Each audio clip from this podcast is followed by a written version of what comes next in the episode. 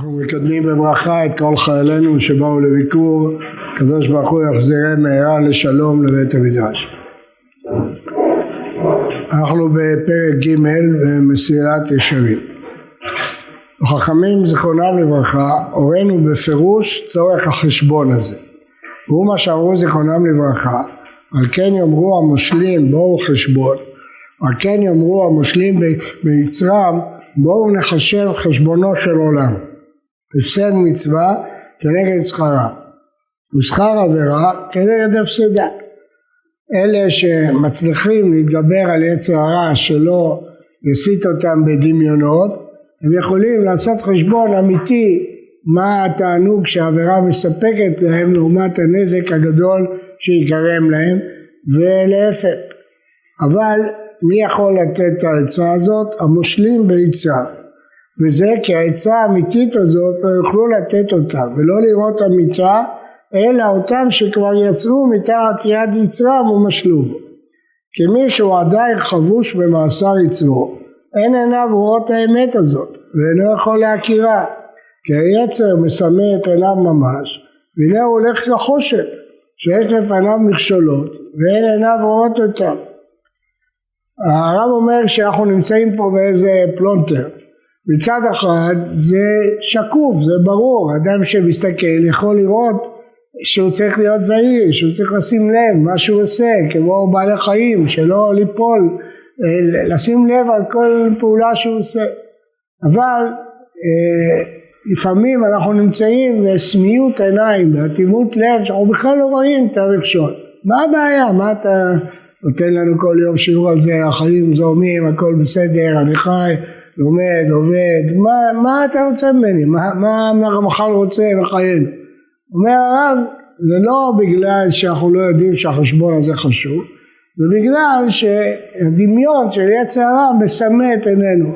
ועד שאדם לא ישתחרר מהדמיון הזה, הוא לא יכול להבין למה חשוב לעשות את החשבון הזה, למה חשוב ללמוד מוסר, למה חשוב לשים, הוא לא יכול להבין כי הוא שקוע בדמיון הזה שיצר, אז איך יוצאים מהפלוטר הזה? אם האדם בעצמו שקוע ברמייה של יצר הרע, איך הוא יגיע לחשבון הזה? על ידי שהוא יקשיב לאלה שכן כבר הגיעו למצב הזה, שמשלו ביצרם. הוא מה שאמרו זיכרונם לברכה, קשת חושך ויהי לילה. זה העולם הזה שדומה ללילה. והבן כמה נפלא המאמר האמיתי הזה למי שמעמיק להבין בו. כי הנה חושך הלילה שני מיני טעויות אפשר לו שיגרום לעין האדם.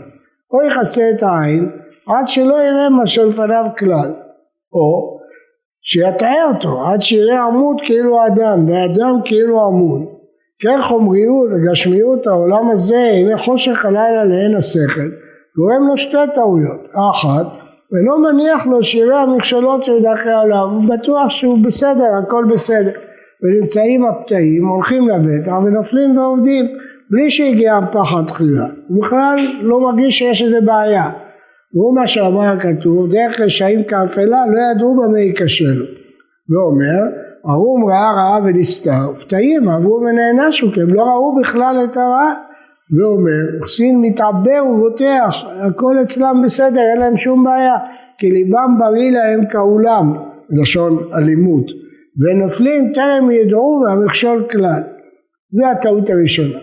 והטעות השנייה, והיא קשה מן הראשונה, היא שמטרה ראייתם, עד שרואים הרע כאילו טוב, והטוב כאילו רע, ומתוך כך מתחזקים ומחזיקים מעשיהם הרעים. כי אין די שחסרה מהם ראיית האמת לראות הרעה שנר פניהם.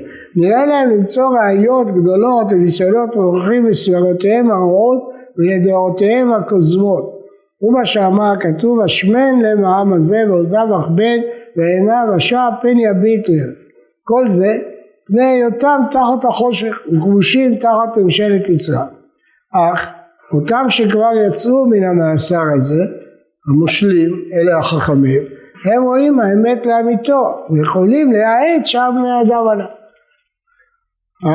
אנחנו שנמצאים בתוך הדמיון הזה של יצר הרע, קשה לנו מאוד לזהות את הבעיה בכלל.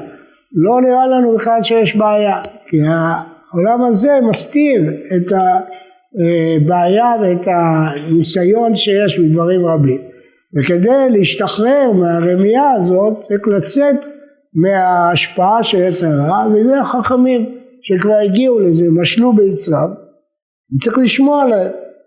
הלמה זה דומה. לגן המבוכה הוא הגן הנטוע לצחוק הידוע אצל השרים שהנטירות עשויות קטלים קטלים וביניהם שבילים רבים נבוכים ומעורבים כולם דומים זה לזה. והתכלית בם הוא להגיע לאכסדרה אחת שבאמצעם אמנם השבילים האלה מהם ישרים ומגיעים באמת אל האכסדרה ומהם משגים את האדם מרחיקים אותו ממנה. אמנם ההולך בין השבילים לא יוכל לראות על הדעת כלל אם הוא בשביל האמיתי או בכוזב כי כולם שווים ואין הפרש ביניהם לעין הרואה אותם. אם לא שידע הדר בבקיאות וטביות עין שכבר נכנס בה והגיע לתכלית של האכסדרה והנה העומד כבר על האכסדרה הוא רואה את כל הדרכים שלפניו הוא מבחין בין האמיתיים והכוזבים. והוא יכול להזהיר את ההולכים בה לומר זה הדרך לכו והנה מי שירצה להאמין לו יגיע למקום המיועד ומי שלא ירצה להאמין וירצה ללכת אחר עיניו ודאי שיישאר עובד ולא יגיע אליו. טוב, הרב אומר פה דברים מאוד מאוד קשים. מה שהוא אומר פה שזה לא נכון שהאדם באינטואיציה טבעית ימצא את הדרך הישרה. אנחנו רגילים לומר שהאלוקים עשה את האדם ישר ואם יש לו מצפון ישר שלא יתקלקל הוא יגיע לדרך הנכונה. הרב אומר פה לא, השבילים הם כל כך דומים והמבוכה כל כך גדולה שהאדם לא יכול בעצמו להבחין בזה, הוא יטעה. למה הוא יטעה? הוא נברא ישר, אבל הדמיון של העולם הזה הוא כל כך חזק שהוא מטעה אותו. והרבה פעמים הוא יחשוב על עמוד שהוא איש ועל איש שהוא עמוד ולכן הוא לא יוכל להבחין לבד בשביל הנכון. כך אומר הרב. ולכן אומר הרב שצריך אמונת חכמים. חייבים לשמוע על החכמים. חייבים לשמוע על ההדרכות של התנאים, של המוראים, של החכמים והמושג שהם הדריכו אותנו. למה אנחנו חייבים? כי בעצמנו אנחנו עלולים לטעות בשבילים האלה שמובילים אל האכסניה. למה? כי לא יצאנו בעצמנו מתוך השבילים, אנחנו לא יכולים לראות את הטעות שבשבילים. וכן הדבר הזה, מי שעדיין לא משל ביצרו הוא בתוך השבילים, לא יוכל להבחין ביניהם. אך המושלים שכבר הגיעו לאכסניה, שכבר יצאו מן השבילים, וראו כל הדרכים לעיניהם בבירור, הם יכולים להאץ למי שירצה לשמוע, ועליהם צריכים אנו להאמין. מהי העצה שהם נותנים לנו? בואו חשבון, תעשו חשבון, תעשה ביקורת. תחשב חשבונו של רב, כי הם ניסו וראו וידעו שזה לבדו הוא הדרך האמיתי להגיע לטובה שהוא מבקש, ולא זולת זה. אם כן, אה, בסוף ההגדרה של מידת הזהירות שהיא לכאורה כל כך פשוטה דורשת מאדם תשומת לב וביקורתיות מזהיר הרב שאומנם הזהירות היא מאוד פשוטה אבל יש הרבה הטעיות בדרך ולכן צריך האדם לשמוע לדברי החכמים שדרשו ממנו לעשות חשבון לחשב הפסד מצווה כנגד שכרה ושכר עבירה כנגד הסדר. סיכום כללו של דבר צריך האדם להיות מתבונן בשכלו תמיד, בכל זמן ובזמן קבוע לו בהתמודדו. מהו הדרך האמיתי לפי חוק התורה שהאדם צריך ללך בו? אחר כך יבוא להתבונן על מעשיו, אם הם על הדרך, אז אם לא, קודם לדעת מה הדרך האמיתית ואחר כך לראות אם זה מה שהוא עושה. על ידי זה ודאי שיהיה לו נקה להיטהר מכל רע וליישר כל דרכיו כמו שהכתוב אומר פלס מעגל רגליך וכל דרכיך ייכונו ואומר נחפשה דרכינו ונחקורה ונשובה עד השם. שים לב לשני הפסוקים האלה הפסוק במשלי פלס מעגל דרכיך אתה צריך כל פעם לבדוק את הדרך אם אתה לא סוטה. ואז כל דרכיך ייכונו ואומר נחפשה דרכינו ונחקורה. זאת אומרת, מה הפירוש שהפסוק יחפשה ולכנו ונחקורה? זאת אומרת, אל תלך כסוס שוטף במלחמה, אל תזרום עם החיים, תבדוק, תחפש, תחשוב, תבקר, תהיה בעל חוש ביקורת, תבדוק את המעשים שלך, תבדוק מה אומרים לך, תבקר אותם, כדי שתוכל להגיע לדרך הנכונה, נחפשה דרכנו ונחקורה, ואז נשובה עד השם. איך קונים את זה? אמרנו שאחד הדברים המיוחדים במסילת ישרים שמבחינים אותו בין ספרי מוסר אחרים שספרי מוסר אחרים מטיפים לעשות טוב אבל הרמח"ל מלמד איך מגיעים לזה אז איך מגיעים למידת הזהירות? הנה מה שהביא את האדם על דרך כלל אל הזהירות הוא לימוד התורה והוא מה שאמר בפנחס בתחילת הברייתא תורה מביאה לידי זהירות ההתחלה של הברייתא היא התורה הלימוד תורה מביא לידי זהירות בהמשך הרב יגיד ביטוי עוד יותר חריף שכתוב בראתי יצר הרע, בראתי תורת כבלים לו. אם מי שברא את האדם אומר לך שזאת התרופה ליצר הרע, אז אין תרופה אחרת. וכל מי שמדמיין שיש תרופה אחרת, הוא יגלה את הטעות שלו. כך אומר הרמח"ל. אין תרופה אחרת, כי זאת התרופה. מה יכול להביא את האדם לתשומת לב לזהירות? לימוד התורה. לכן התורה מביאה לידי זהירות. במה לימוד התורה מביא לידי זהירות? אמרנו כבר שזה בשני דרכים. הדרך האחת, שאתה יודע מהי דרך התורה, בלי ללמוד תורה, אתה לא יודע מה דרך התורה, אז איך תבוא לידי זהירות. הדבר השני, שהתורה מעוררת אותך, לשים לב איזה חלקים בתורה. לא כל חלק בתורה מיועד, חלק, אה, חלקים מסוימים הם דינים, הם הלכות, כן? אמנם החזון איש כותב שה... אחת הדרכים הטובות ביותר למוסר זה ללמוד את ההלכות של אותו דבר. אם אדם לומד הלכות חושן משפט, טור ושולחן ערוך, הוא יהיה זהיר יותר בנזיקים. אם אדם לומד אבן העזר, את ההלכות, הוא יהיה זהיר יותר בענייני עריות. כך כותב החזון איש, וזה דבר שאפשר לראות אותו מהמציאות. אדם לומד אורח חיים, אז הוא זהיר בהלכות אורח חיים. אבל מה יביא אותו להתעורר? אומר הרב, על דרך פרט המביא לזה, ההתבוננות על חומר העבודה אשר חייב באדם ועומק הדין עליה. ויוצא לו זה מן העיון במעשים הכתובים בספרי הקודש ומן הלימוד במאמרי חכמים זיכרונם לברכה המעוררים אז. הרב אומר באופן פרטי יש חלקים מסוימים בתורה שהם מאירים את האדם לתשומת לב. חלק אחד זה המעשים, זה מעניין מאוד מה שהרב אומר פה, מה שקוראים היום הסיפורים. הסיפורים שכתובים בכתבי הקודש יש להם כוח גדול לעורר את האדם בצד המוסרי.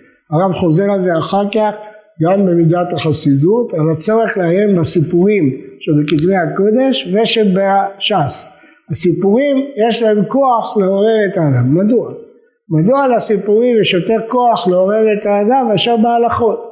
כי הסיפור הוא תואם של החיים, הוא מציג את יעקב ואת עשיו, את ישמעאל ואת יצחק, את הגר ואת שרה, הוא מציג לנו את דמויות יוסף ואחיו, קין ועבד, דמויות אנושיות שאנחנו מזדהים איתן, מכירים אותן, רואים איך הם פעלו ומעתיקים את זה אלינו.